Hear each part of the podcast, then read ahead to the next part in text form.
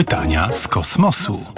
Jak zwykle o tej porze, dr Tomasz Rożek, dzień dobry. Dzień dobry. Dziś pytanie od pani Ilony. Gdybym stała na powierzchni Plutona, od tej strony planety, na którą padają promienie Słońca, czy byłoby na tyle jasno, że mogłabym zobaczyć własne stopy? Tak, pani Ilono, mogłaby pani zobaczyć własne stopy, albo mówiąc ściślej, powierzchnię gruntu, na którym pani stoi.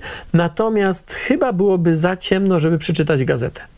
Y, zarówno na Plutonie, czy Neptunie, czy na księżycach Neptuna, tam Słońce wygląda y, jak punkcik. Jasny, jaśniejszy niż inne gwiazdy, ale jednak już punkcik.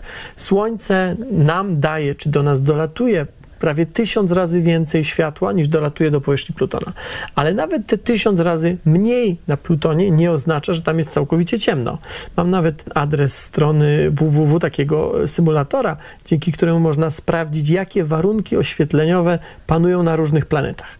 Na Plutonie w południe jest mniej więcej tak jak godzinę przed wschodem Słońca na Ziemi coś zaczyna już widnieć, zaczynają się pojawiać, jak się mówi, rysować jakieś kształty, ale wciąż jest jeszcze e, ciemno.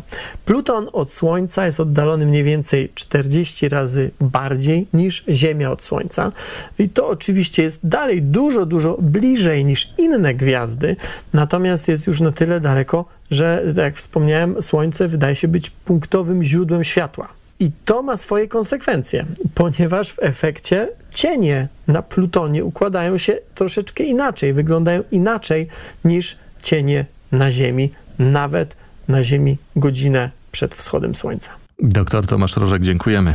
Bardzo Państwu dziękuję, bardzo też Państwu dziękuję za wszystkie pytania i życzę miłego dnia.